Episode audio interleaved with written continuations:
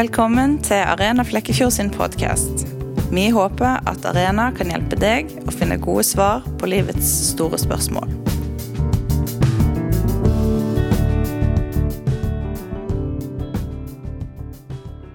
Hvordan kan vi vite hva som er sant? Og Det temaet har jo filosofene debattert siden over 500 år før Kristus. Og eh, Læren om hvordan vi kan vite hva som er sant, det kalles epistemologi. Jeg vil begynne med å ta en liten test på alle sammen. Hvis dere er her i dag, kan dere rekke opp hånda. Ok? Alle, alle som er her, rekker opp hånda. Det er bra. Hvis, dere kan bare fortsette å ta opp hånda. Hvis du er usikker på om du er her i dag, kan du ta ned hånda igjen. Ok, Alle er altså sikre på at de er her i dag. Alle, da kan dere si at dere vet at dere er her i dag. Ok, Det er bra. Nå kan dere ta den ned igjen. Det stiller liksom litt av utfordringen i dag på prøve. Hvordan bruker vi det ordet 'å vite'? Dere er sik så sikre på at dere er her i dag at dere rekker opp hånda iallfall. Og eh, det kan jo være at dere var så gleder dere så mye til arena at dere drømte at dere er her nå. Men, men, og det er noen som tenker sånn. Eh, men vi, vi, vi, går videre for å se. Jeg skal snakke om tre ting, altså deler presentasjonen opp i tre i dag. Først skal jeg snakke litt om definisjoner. Gå litt videre i forhold til hva som eh, Leif Egil snakket om sist gang. Eh, jeg skal snakke litt om utviklingen i begrepet 'å vite'. Hvordan det har utviklet seg over tid. Og til slutt så skal jeg sammenligne tre forskjellige perspektiver på sannhet. Så hvorfor er dette et viktig tema? I 2017 så ble fake news kåra til årets ord av mange engelske ordbøker. Og vi lever i en verden der vi egentlig blir veldig lite tvunget til å, til å snakke med folk vi er uenige med. Og eh, Istedenfor så samler vi oss ved hjelp av sosiale medier i det som blir kalt for ekkokammer, og hører bare på de vi er enige med, og ikke på de vi er uenige med. Og det Å være uenig, det er liksom en, nesten en, har blitt en sånn dum ting. Eh, og så er det mange unge i dag spesielt som eh, har blitt pepra med masse informasjon som kanskje ikke er sann. Og da eh, har de mista tilliten til de påstandene som kommer rundt seg. De trodde at bankene hadde rett, eh, eller trodde var solide, men så kom finanskrisen. Eh, I England så trodde de at politikerne snakka sant når eh, de sa at vi, vi tjener på å gå ut av EU, men nå ser du hva som skjer der. Hvem kan vi egentlig stole på i dag? Og hvordan informasjon kan vi stole på? Vi stoler iallfall ikke på de som påstår at de har rett og tror på noe som de sier er sant, som alle må forholde seg til. Et godt eksempel på det er jo at nå i det siste så har vi sett eh, miljøaktivister som står fram og har store påstander og eh, krever aksjon. At alle må forholde seg til en sannhet som de har. Um, og det har vekt en del oppmerksomhet, og uh, folk som ikke liker det fordi at det, det påstås så sikkert. Hvordan kan vi vite at det er sant? I dag finnes det falsk vitenskap, produsert av klimafornektere, falsk historie, produsert av grupper som benekter holocaust, falske amerikanere lagd av russiske nettroll, og falske følgere eh, og likes på sosiale medier. Og I dette kaoset så er det jo sånn at mange gjerne trekker seg litt tilbake og, og tenker jeg tror på det som er sant for meg. Eh, og for meg så er det det som er virkeligheten. Eh, og ingen forskning eller vitenskap kan påstå noe annet. Andre forholder seg veldig til, klinisk til det som kun eh, vitenskapen har bevist, og, og ikke til noe annet. Men fins det en god måte å tenke på om sannhet som kombinerer hjerne og hjerte? Sist gang så definerte Leif Egil tro for oss. Eh, han sa at blind tro, det å tro helt uten en grunn, det er ikke noe bibelsk ved det. Men det framstilles sånn av de som kritiserer kristne. F.eks. Richard Dawkins, når han snakker om tro, så tas det utgangspunkt i blindtro. Og det, det, det, er sånn han definerer det ordet, helt systematisk, når du leser det han skriver. Men jeg ville si at Og, og det, det, er blitt gjennomført tester som sier at de, iallfall de som er kristne, de bruker ikke den definisjonen på tro. De tror at Gud fins, og de tror at det er gode grunner til det. Eh, men det fins òg noen kristne som sier at nei, fornuft det er ikke så viktig. Eh, og de kalles fideister. Det er et eget ord for det. Så det å liksom kritisere alle kristne basert på det en liten gruppe faktisk mener, det, det er ikke så ja, det, det, er ikke så rettferdig. Så dro eh, Leif Egil fram en, eh, en, det beste eksempelet han kom på på blind tro. Det å tro helt uten grunner. Og det var at universet ble skapt av ingenting. Det syns han var det, det, beste eksempelet han kunne komme på på blind tro. Den påstanden jeg skal komme med i dag, det er at all viten bygger på tro. Og ja, Nå var det ikke et bord som sto her, da, men eh, jeg vet at dette stativet står her. Eh, og jeg skal Men hvordan kan jeg si det? Jo, for jeg må tro en god del ting for å kunne si det. Jeg må tro at det fins en verden utenfor meg sjøl. Jeg må tro at mine sanser gir meg informasjon om den verden. Jeg må tro at forstanden min kan fortelle meg om virkeligheten. Og så må jeg anta at dette stativet da, oppfører seg sånn som alle andre stativ som jeg har sett før. Dere har kanskje sett filmen The Matrix. Eh, som handler om at den virkelige virkeligheten den er, kan vi ikke vite noen ting om. Men den, er, den virkeligheten vi opplever, den er en simulering. Eh, og hvis det var sånn at jeg egentlig ikke kunne stole på noen ting av det jeg så, så ville det vært som om vi var i The Matrix. Men jeg vil påstå at selv om ikke det lar seg bevise logisk og matematisk, alt dette her, så er det veldig rasjonelt å likevel tro at her er det et stativ. Um, og det viser en veldig viktig ting, og det er at tro er nødvendig for all vitenskap. Og Så skal vi utvide den, eh, det vi så på i stad. Vi så på det, denne til venstre. Finnes Gud? Hvis du svarer ja på det, så er du gjerne en tist. Men hvis du sier nei, Gud finnes ikke, så har du en påstand om at Gud ikke finnes da. Da er du en ateist. Og så finnes det noen som er i midten som sier det finnes ikke gode argumenter for eller imot. Han er ikke overbevist. Og han er en agnostiker. Så tro, det er ikke religiøst, men allmennmenneskelig. Og forskjellen på en teist og en ateist er ikke om han tror, men hva han tror på. Så tro jeg ikke det motsatte av å vite, men forutsetningen for å kunne vite noe. Og det, det som kommer nederst her, jeg syns er det viktigste. Det er bare agnostikeren, eller agnotikeren, som jeg har skrevet, som eh, ikke har noen påstand å komme med. Eh, og, og, som derfor ikke trenger å forsvare det han, kom, eh, han sier. For han, han, han kom ikke noen påstand om virkeligheten. Men en ateist han påstår noe, en Taste han påstår noe. Og begge to må da forsvare det. Så vi snakker om å vite.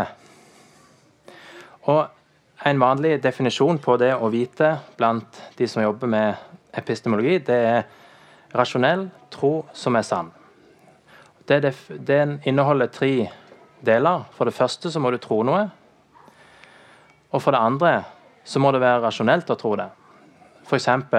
så har du sett noe, du har hørt det, kanskje noen har fortalt deg noe.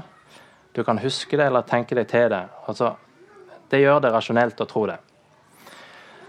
Men så må det òg være sant. Og så er spørsmålet hvor sikker må du være på det før du kan si at du vet det. Og der vil man jo være litt uenig. Men det skal vi jo snakke om på neste slide. Men som vi ser her den, Her er det en jernstang som er rett, som går ned i vannet. Og så ser det ut som den er bøyd. Og eh, hvis jeg ikke visste bedre, så kunne jeg ha påstått at den er bøyd. eh, for det ser sånn ut.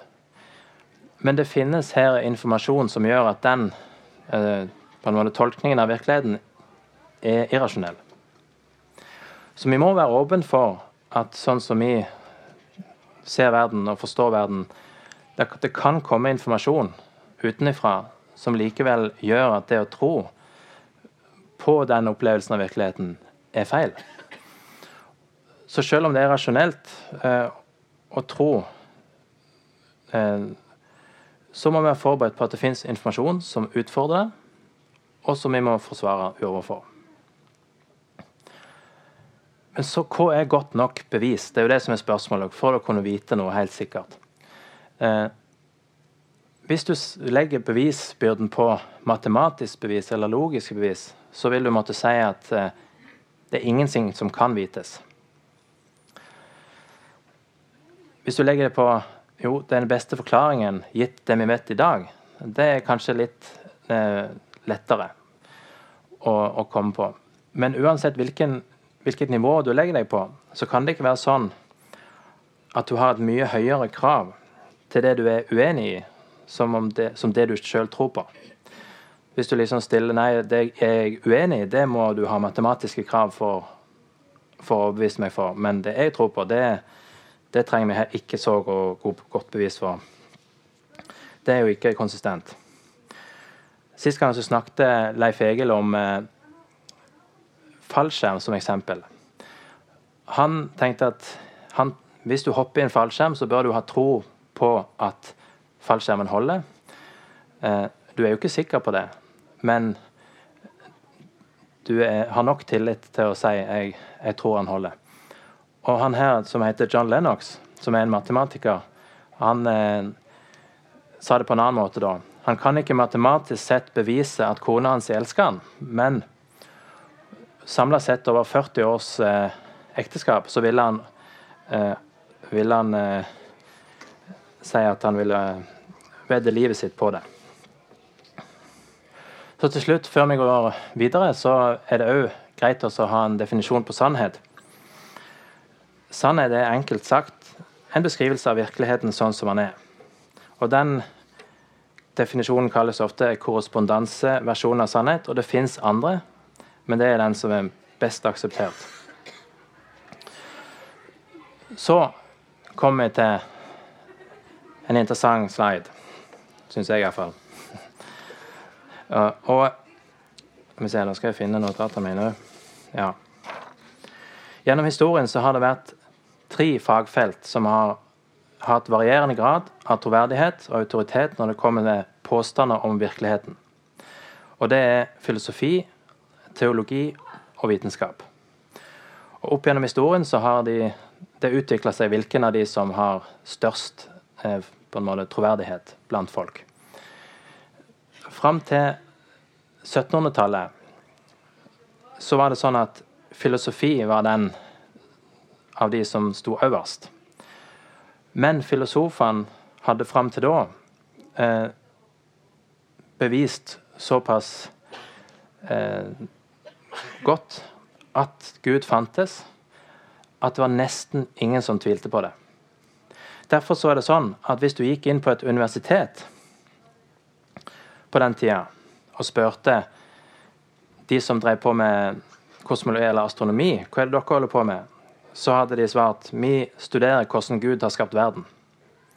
Eller hvis du gikk inn i og spurte de som studerte mennesker, hva er det dere holder på med, så hadde de sagt vi studerer hvordan Gud har skapt mennesket.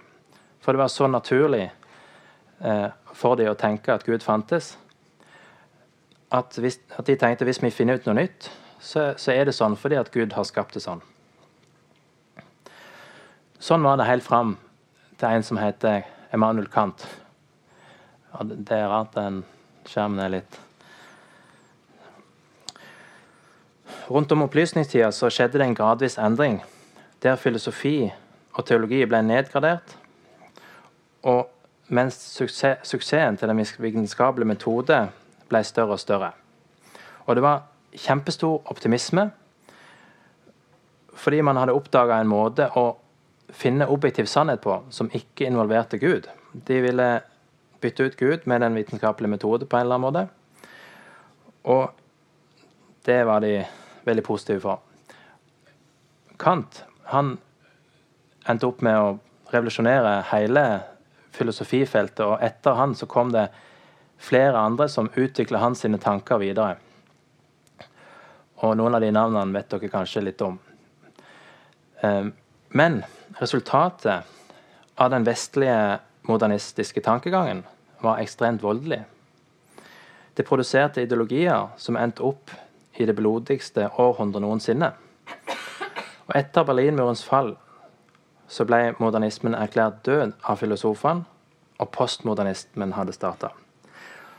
Og det aller viktigste, syns jeg, med, med, denne oversikten, er det som står her.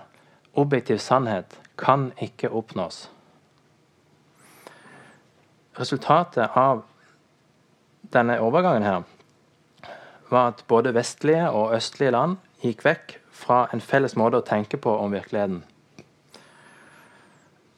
Det var, etterpå dette så var det ikke lenger en sånn grunntanke om at det som var sant, eh, var sant, og det motsatte var usant. Og det som var rett, det hadde det motsatte som var galt. Og det er en kjempestor utvikling.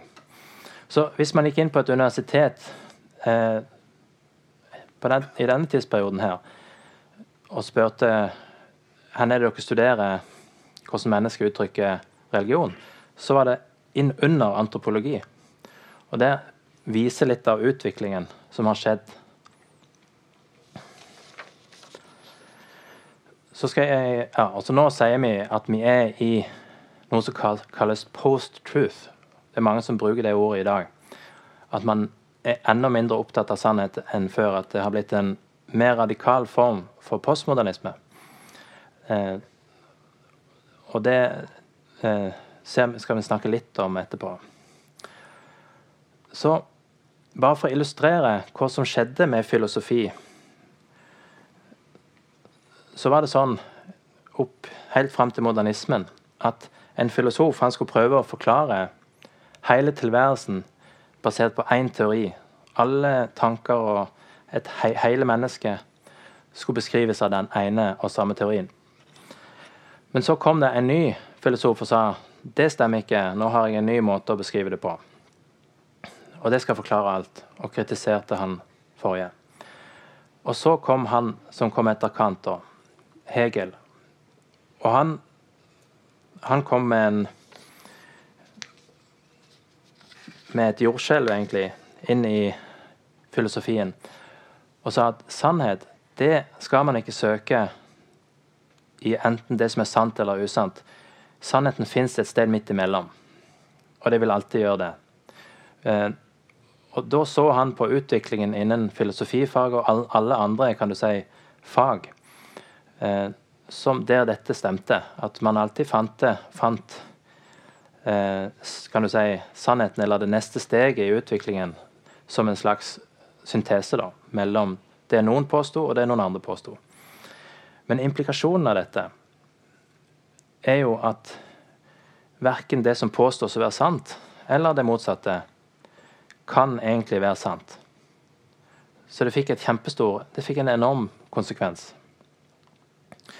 Etter Kant og Hegel så så virkeligheten sånn her ut for de fleste. Og det begynte jo for filosofene, for de forsto dette først.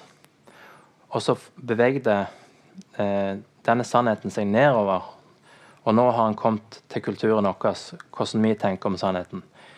På den, på den ene sida så lever vi som om det fins mening med livet. Vi lever som om kjærlighet fins og er noe viktig i livet vårt. Det er mange i dag som er veldig opptatt av at personlighet fins, og at det er viktig for dem, og deres identitet. Men det Kant påsto, er at det er irrasjonelt. Det som er rasjonelt, og, og det, det, å påstå, det å, at det ikke finnes noen mening med livet, kjærlighet er en illusjon, og personlighet gir ingen mening. Fordi at eh, hvis du skal eh, følge vitenskapen kan du si, rent og klinisk og på en måte følge den til sin logiske konklusjon, så er det sånn du kan ikke komme deg over denne veggen. Så egentlig så ble mennesket skilt. Hjerte og hjerne. Hjerte på toppen og hjerne på bunnen. Og, og det var ikke lenger en helhetlig teori som kunne fortelle at du kan være hele deg på dette feltet. Så er min raske oppsummering Det eh, går an å si mye mer. Og spesielt de filosofene som kom og utvikla disse tankene videre. Det er ganske depressivt å eh, lese om. For at de, eh, de kalles eksistensialister, f.eks. Nietzsche. og Hvis dere har hørt om nihilisme, det er veldig mørk, mørke tanker. Eh, så dere, her, dette her skillet det er et problem for hvordan vi forholder oss til virkeligheten, mener jeg. Eh, så etter Nå skal vi ta en liten pause. Etter pausen så skal jeg eh, så skal jeg eh, sammenligne her noen måter å tenke på om sannheten. Der den ene er postmodernisme. Dvs. Si at eh, Sånn som vi har sagt, at eh, det finnes hvis, vi, hvis, sannhet fins, hvis en virkelig sannhet fins, så kan vi ikke vite det sikkert. Eller vi kan ikke vite det. Vitenskapisme den skal jeg komme tilbake til, men det er en påstand som sier at bare det som vitenskap har bevist, kan være sant. Mens teisme det er jo ikke en egen påstand innen epistemologi, men det har med seg noe veldig viktig for å kunne komme tilbake til det helhetlige måten å tenke på om sannheten. Og Jeg skal sammenligne disse tre basert på først å spørre er de selvmotsigende. Støtter de opp om vitenskap? Går det an å leve de ut i praksis? Og åpner de opp for å kunne ta feil? Først er det postmodernisme. Og Det er veldig vanskelig å definere postmodernisme. for det, eh, Generelt sett så er postmodernister veldig lite glad i definisjoner. Så, men eh, jeg, jeg prøver meg. Virkeligheten består av hvert enkelt individs oppfatning av den. Og Hvis det stemmer, så er det veldig naturlig å si det er kanskje sant for deg, men det er ikke sant for meg, for man har ikke den samme virkeligheten å forholde seg til. Og ifølge den, denne måten å tenke på, så er liksom det man bør gjøre, en eh, god ting, er å tolerere alle sin versjon av hva som er sant og usant, rett og galt. Og post, den postmodernistiske tankegangen er kritisk til alle livssyn som har universelle påstander om sannheten. Og den ene tingen som ikke tolereres så godt, det er å komme med en påstand om at sin sannhet eller sin moralske overbevisning er rett. Og igjen kan det gå an å ta eksempelet med miljøaktivisme, eh, som just har vært, eh, eller er, veldig et tema der man kommer med mange, mange sånne typer påstander. Målet med en postmodernistisk tankegang det er å bryte ned sannheter. Ikke for å forstå dem, men for å stå i veien for at de kan være klare. Det er fall min påstand. Så første spørsmål er postmodernisme selvmotsigende. For å vise det, så kan man stille et spørsmål. Er et postmodernistisk perspektiv på sannhet objektivt sant? Fordi at det, det kommer, selv om det ikke liker sannheter som er objektive, så påstås likevel at det ikke fins objektive sannheter.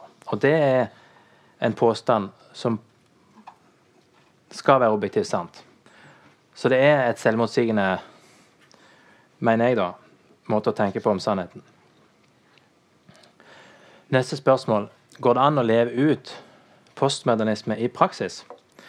Og det vil jeg si ja til i utgangspunktet. Det går an å leve i sin egen definisjon av sannheten, uavhengig av om man er virkelig eller ikke. Men det er noen utfordringer med det. Eh, hvis man er veldig overbevist om sin egen versjon av sannheten, så, og, og, noen andre har en helt annen versjon av sannheten, det å snakke sammen om de, om de og prøve å overbevise hverandre om at hvem som har rett, og, og dialog mellom livssyn Hvis det forekommer, så blir det faktisk sett på som et middel for å undertrykke hverandre og hverandre sin rett til å beholde sin egen versjon av sannheten. Så i et samfunn der postmodernisme blir mer og mer radikal, så vil det bli vanskeligere å snakke sammen. Og vanskeligere å forstå hverandre mellom grupper som er uenige. Eh, et samfunn som er mer splitta. Og det gjør oss òg til enkle bytter for falske nyheter. For man søker bekreftelse på det man sjøl mener er rett, og det eh, Og hvis man tenker sånn som dette, så eh, så vil man lett kun lese de tingene man sjøl er enig i. Og, og det Vi vet jo at det er krefter som ønsker å utnytte at samfunnene er splitta, som man har sett f.eks. i valget i USA. Så det, det, er ikke bra, at, eh, mener jeg, da, at eh, samfunnet blir mer postmodernistisk.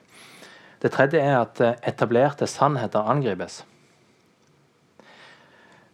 Enn, enn så lenge så er det sånn i Norge at de fleste mener at Håper jeg, eller tror jeg iallfall, at eh, at eh, klimaendringene er menneskeskapte, at alle mennesker er like mye verdt, at eh, man blir friskere av vaksiner og den type ting. Men jo mer radikal post, et samfunn blir på postmodernisme, så blir det vanskeligere og vanskeligere å påstå noe sånt veldig klart.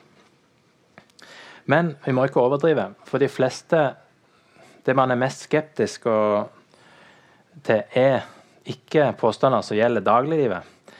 Det er heldigvis sånn at eh, folk flest de, eh, de, tar ikke feil av rottegift og vitaminer.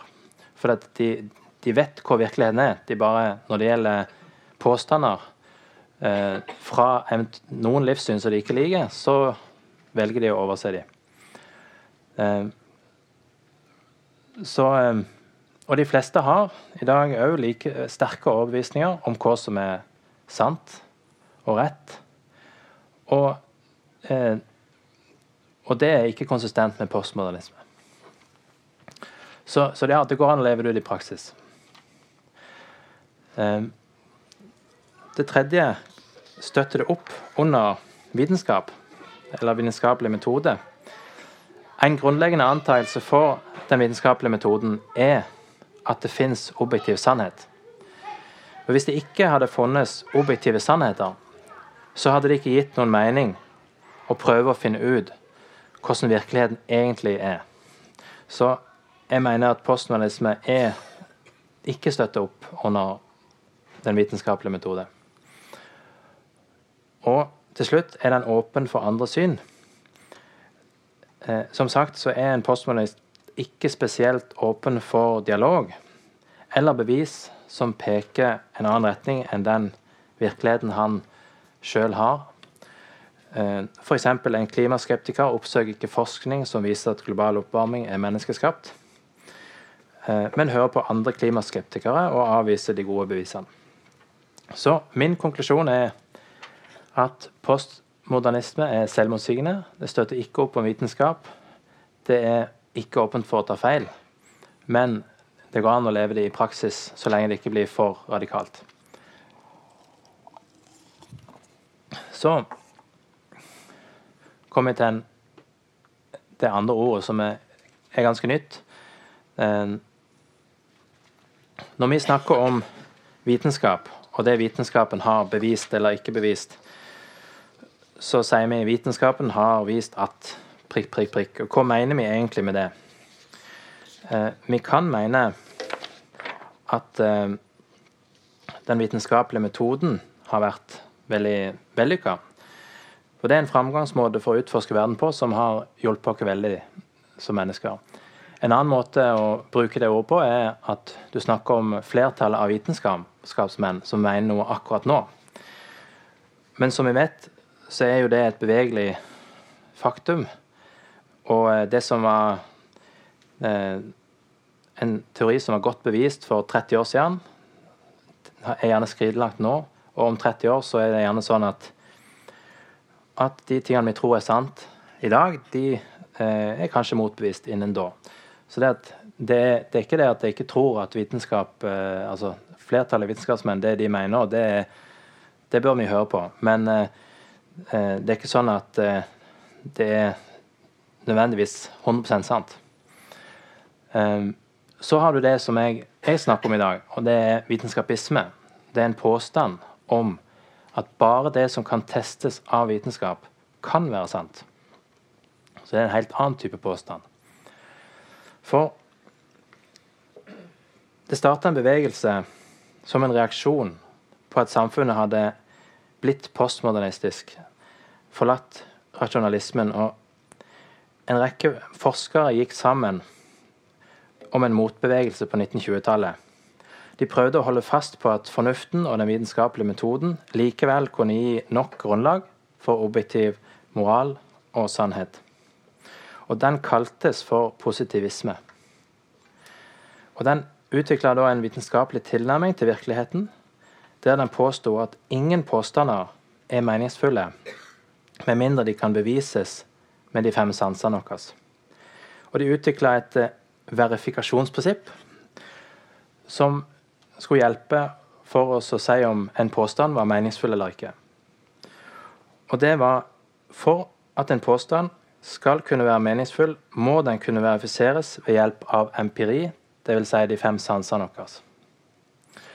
Og det fulgte automatisk at ingen teologiske påstander kunne være meningsfulle. Setninger som Gud fins, kan da verken bevises eller motbevises etter den måten å tenke på. Og filosofene mente på den tida at de var meningsløse. Så på 13, 1930- og 40-tallet så var det mange filosofer som aksepterte at det ikke fantes noen meningsfulle ytringer om Gud. Det betyr ikke at de ikke trodde på han, men det, men det endra seg fort. Fordi det ble vist at eh, Ja, eller før jeg sier det Jeg vet eh, det er ganske utstrakt i dag, tror jeg, i Norge å tenke at ja, hvis vitenskapen har bevist det, da må det være sant. Eh, og at andre kilder til kunnskap, sånn som teologi, iallfall blant mann i gata, har kanskje ikke like masse å si. Eh, men jeg vil komme med et eh, eksempel på som viser at det er feil. Eh, hvor sikker er du på at det fins elektroner? Har du noen gang sett et elektron? Og i så fall, hvilken type elektron tror du på? For det finnes mange versjoner. Er du ikke mye mer sikker på at voldtekt er feil? Det skal du ikke gjøre. Ja. Så, og du, ikke, du kan ikke komme fram til det via vitenskap, en vitenskapelig metode på noen måte. Men det, det kan du finne ut via den, den her, men den, jeg mener at den nederste kan man være mye mer sikker på, selv om ikke vitenskap kan teste det. Så for det første er vitenskapisme selvmotsigende. Den påstår bare det som kan testes av vitenskap, kan være sant. Hvis du ser på den setningen, så kan den i seg sjøl ikke testes av vitenskap. Og derfor kan den ikke være sann, ifølge seg sjøl. Og det er det som denne bevegelsen møtte fort på det problemet her. At, så den setningen kan ikke være, være sant ifølge seg sjøl. Og eh, det er ja, så, så den bevegelsen møtte på denne utfordringen Eh, og, og, Derfor så var det veldig mange filosofer som da ikke gikk videre i den retningen, for de fant ut at den holder ikke vann. Men det er likevel mange forskere og ny, altså kritikere av religion som ennå er på denne linja, kan du si. Eh, men denne påstanden er ikke en vitenskapelig påstand, det er en filosofisk påstand. Og egentlig så er det akkurat sånn en påstand som tilhengerne av vitenskapisme sier er basert på blindtro. Neste påstand, nei, neste punkt her. Eh, er vitenskapisme Kan det støtte opp under vitenskap? Så tar vi med oss verifikasjonsprinsippet på nytt. For at en påstand skal kunne være meningsfull, må den kunne verifiseres ved hjelp av empiri. Så tar vi de, mest van, de vanligste eh, kriteriene for den vitenskapelige metode her. Hvis dere ser på de, f.eks. objektiv sannhet finnes det, Den så vi på i stad. den kan heller ikke testes. Ingen av disse fem kan testes av vitenskap. De er filosofiske påstander, alle sammen. Den vitenskapelige metode er gyldig bare hvis disse antakelsene holder vann, og arbeidet med å argumentere for disse en filosofisk oppgave og ikke en vitenskapelig oppgave. Så det vil si at ifølge verifikasjonsprinsippet så er ingen av disse antakelsene så holder ingen av de vann.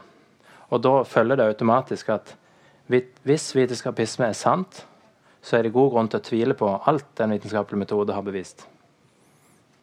Neste spørsmål er, det, er den åpen for å ta feil.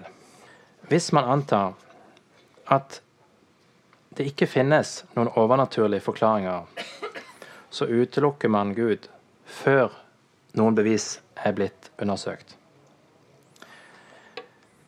Men hvis det viser seg at Gud fins, og at det fins bevis for det, hvordan skal egentlig en vitenskapist finne ut at han tar feil? Jeg mener jo at den måten å forholde seg til virkeligheten på kan ikke avdekke om han tar feil. Så ja, så har vi den, egentlig, det er spørsmålet som jeg syns er viktigst. Går det an å leve dette her ut i praksis? For hvis det er sånn at bare det som vitenskapen kan teste, kan være sant, som vi var inne på, så er kjærlighet en illusjon. Det er bare en kjemisk reaksjon i kroppen vår. Det går ikke an å tro at objektiv moral fins og det fins ingen mening med livet. Må, men likevel så lever vi alle sammen, mener jeg, som mennesker, som om kjærlighet fins.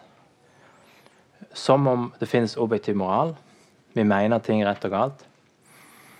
Som om det fins mening med livet, og som om personlighet fins. Jeg tror eh, de fleste er enig i at kjærlighet må komme fra et sted. Og jeg kunne iallfall ikke levd med at kjærlighet bare var en kjemisk reaksjon i kroppen, som en slags dop. Det, det vi føler for partneren vår, det er dypere enn det. De fleste har sterke meninger som jeg har sagt, om hva som er rett og galt. Jeg kan nok ikke leve med om mine moralske overbevisninger kun måtte gjelde for meg sjøl. F.eks da ville det ikke gitt mening f.eks. å, å eh, si at eh, menneskerettighetene de kan vi bruke til å si at eh, et land tar feil eh, om hva de tillater og ikke tillater, mener jeg, da. Hvordan, er vi så ærlige som Nietzsche var, som sa at livet er meningsløst? Og til slutt Tror du at personlighet og identitet, som er noe av det viktigste i et liv, men uh, iallfall i dag så er det en veldig viktig del av, av hvordan vi tenker om oss sjøl, at det kan oppstå fra ikke-personlighet pluss litt tid pluss tilfeldighet. Det syns jeg er, blir en vanskelig oppgave. Så jeg mener da at denne måten å forholde seg til sannheten på, den er selvmotsigende. Den støtter ikke opp om vitenskap. Han er ikke åpen til å ta feil, iallfall ikke om Gud. Sikkert om mye annet. Eh, og det går an å leve den i praksis, for de fleste av dere gjør jo det. Eh, men det er, det er en eh, krevende ting å leve ut i praksis. Så til slutt så er det en siste påstand her, og det er teisme. Hvordan skal det løse dette problemet? Vi må vekk fra denne måten å tenke på om sannheten for å kunne om, komme tilbake til den gamle måten å tenke på, der du har hele tilværelsen som beskrives i én teori om sannheten. Den må være troverdig, og den må være personlig nok til å omfavne et helt menneske. Og teisme påstår at Gud har all kunnskap. og kan beskrive sannheten om verden og sannheten om hele mennesket sin opplevelse av virkeligheten. Her er det med andre ord enhet i all sannhet og virkelighet som er kjent for Gud. Virkeligheten er som den er fordi Gud har skapt den sånn. Og Derfor så er kilden til og forfatteren av den ultimate standarden for all sannhet Gud. Og så går det an også Alle disse, de eksemplene jeg skal komme med nå, de er jo fra kristen teisme. Så de eh, Og det er jo greit å, å ta med seg, for vi, vi har ennå ikke eh, i arena kan du si, argumentert sterkt for at eh, det er eh, kristendom som er sant. Det skal vi gjøre etter hvert. Eh, men eh, på den ene sida så mener jeg at det, er troverdig å tenke at Gud han har skapt meg og deg som kommuniserende vesener. Vi kan snakke til hverandre, forstå hverandre. Og på samme måte så tror jeg at det er rasjonelt å tro at han kan ha kommunisert sin vilje til oss gjennom Bibelen. Derfor så tror jeg at Bibelen er troverdig. Men Bibelen sitt innhold det handler ikke bare om religiøse sannheter. Den handler òg om universet og om historien. Den er åpenbart i historien. Og det fins eh, mange argumenter som vi mener er troverdige. Det kosmologiske argumentet det skal vi se nærmere på neste gang i Arena. Der vi går mer inn på gir det mening å tro på Gud når vi ser hvordan, hvordan universet ble til til, eh, nest til våren så skal vi se på disse to spørsmålene. Om Jesu oppstandelse, er det de historiske bevisene for det er de troverdige? Og gir det mening å tro på Gud? Eh, eller i forhold til ja, det moralske argumentet for Guds eksistens. Det, det er jo et, eh, et, godt argument, mener jeg. Så til syvende og sist så eh, mener vi at siden Gud har skapt verden, så vil det ikke være noen konflikt mellom teologi og vitenskap. Men vi må òg ta med oss at teisme er personlig. Og her var vi inne på til å begynne med at det er en opplevelse av virkeligheten som vi har, som er sterk. Eh, men vi må være åpne for at det kan finnes kunnskap som gjør at eh, den opplevelsen vi har av virkeligheten, kan være feil. Og eh, derfor, hvis, møter, hvis, noen kommer med et godt argument som påstår nei, din opplevelse den kan ikke stemme, så må vi stå klar til å forsvare det. Eh, hvis, hvis, ikke, så kan det være at eh, det blir vanskelig å, å beholde den troen. Men det fins eksempel på at det likevel kan være rasjonelt å fortsette å tro, selv om man egentlig ikke klarer å forsvare det. Og Et eksempel på det er Si at du er anklaga for mord. Nå blir det spennende her. eh, og alle beviser peker på at det er du som er skyldig, men du vet at du ikke har gjort det.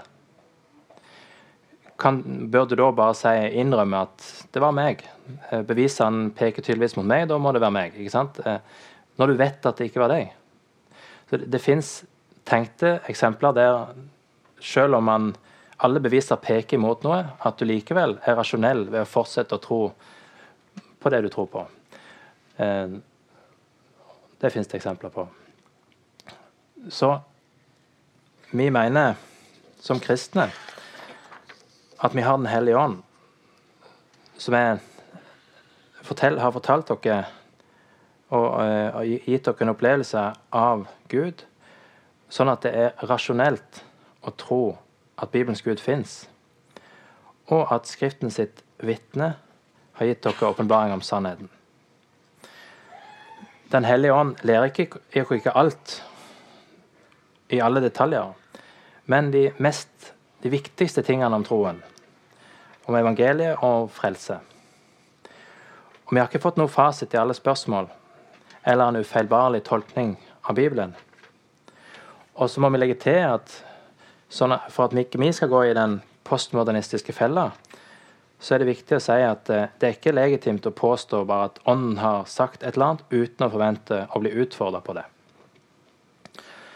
Så før vi går over på disse utfordringene, så vil jeg gi et eksempel på hvordan man kan tro en eh, konkret ting, eh, både ut ifra troverdig eh, informasjon, men òg personlig informasjon.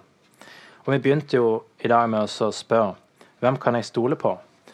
Og jeg kommer ikke til å svare Kirka, for det er mange som er kritiske til Kirka i dag, eh, av forskjellige grunner. Og jeg vil ikke si heller kristne, eh, for eh, vi kristne vi er ikke perfekte, vi heller, på noen måte. Men vi mener at vi har en relasjon til en person, ikke til en organisasjon. Og den personen er Jesus. Han, vi tror at han er sannheten. Og det er litt forskjell å ha en relasjon til en person enn til en organisasjon. For en person eh, kan du kjenne på en helt annen måte. Vi kan ha troverdig kunnskap om Jesus på den ene sida, for det vitner til livet hans sitt, og du kan teste om det holder vann. Og som sagt, Jesu død og oppstandelse det er en historisk hendelse, og det går an å teste om den er godt nok dokumentert. På den andre sida, den personlige sida, så går det an å kjenne Jesus, som er en, noe annet enn å ha kunnskap om Jesus. Vi kristne vi, vi ber til Han, og vi tror at Han lytter og vil svare. Og som menneske så tror vi at Han er i stand til å forstå oss, og eh, fullt ut fordi at Han sjøl er menneske. Og siden Han òg er Gud, så kunne Han personlig gjøre, for, gjøre det sånn at vi kunne komme til Gud. Så jeg vil jo si at kanskje vi ikke kan ha perfekt kunnskap om virkeligheten.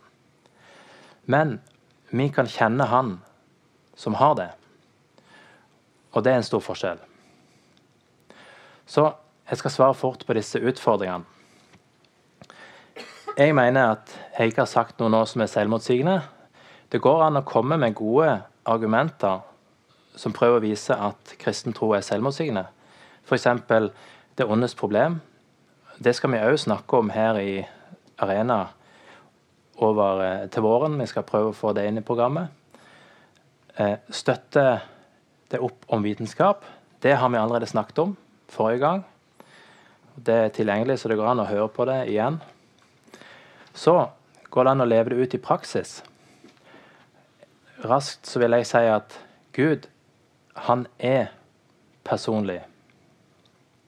Og han, derfor så har han skapt dere med en identitet og en personlighet Derfor gir det mening å tro på det. Det fins et opphav for kjærligheten i Gud.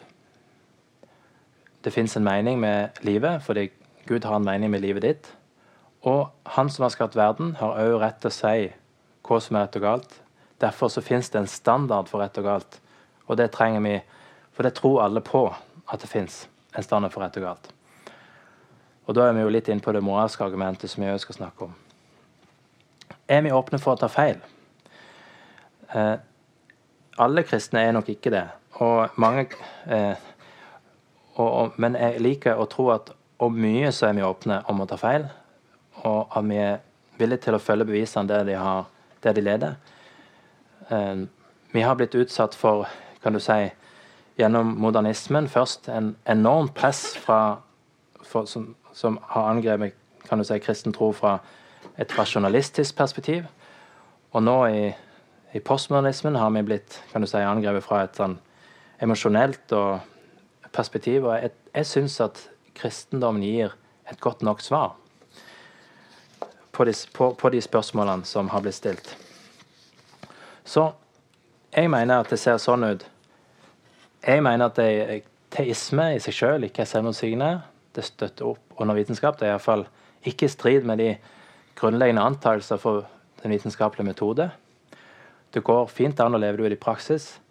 Jeg har satt den gul bare for at eh, det, det, er ikke sånn Vi snakket jo om det i stad, at om det er noen som eh, had, har veldig mange gode argumenter imot, så er det likevel rasjonelt. Hvis du, hvis du har en sterk overbevisning om at Den hellige ånd er i livet ditt, så tror jeg likevel at det går an å rasjonelt tro på Gud.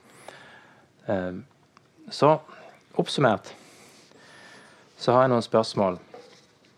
Har du en tilnærming til sannhet og virkelighet som åpner opp for hele mennesket, både hjerte og hjerne? Lever du i en konflikt mellom det du tror på som menneske, og det livssynet ditt forteller deg er sant? Tviler du på at du kan vite noe sikkert? Jeg mener teisme som tilnærming til sannhet er svarer bedre på de utfordringene til kritisk tenkning enn både postmodernisme og vitenskapisme. Det gjør det mulig å omfavne hele mennesket. Eh, og òg, ikke minst, å påstå at det fins enhet i all kunnskap. Tro er en forutsetning for all viten. Og alle som har en påstand om virkeligheten, må forsvare den. Eh, at den er rasjonell og sann. Det er ikke bare teister som må det. Tillit og dialog det er nøkkelord for at vi skal kunne komme oss nærmere hverandre som samfunn og mistenkeliggjøre hverandre mindre. Og så er spørsmålet finnes det gode nok bevis. Det er vel egentlig det som det koker ned til. Eh, og det, er det, det er et individuelt svar på det spørsmålet. Og vi, til nå i Arena så har ikke vi kan du si, gått inn for å bruke de argumentene, for det, det kom i de påfølgende kveldene. Da håper vi jo at dere fortsatt er interessert i å høre på. Takk for at du hørte på dagens episode. Hvis du vil vite mer om Arena, kan du finne oss på Facebook. Der heter vi Arena Flekkefjord. Eller gå inn på hjemmesida vår arena-flekkefjord.no. Vi vil gjerne høre fra deg, og vi håper at vi ses på Spira.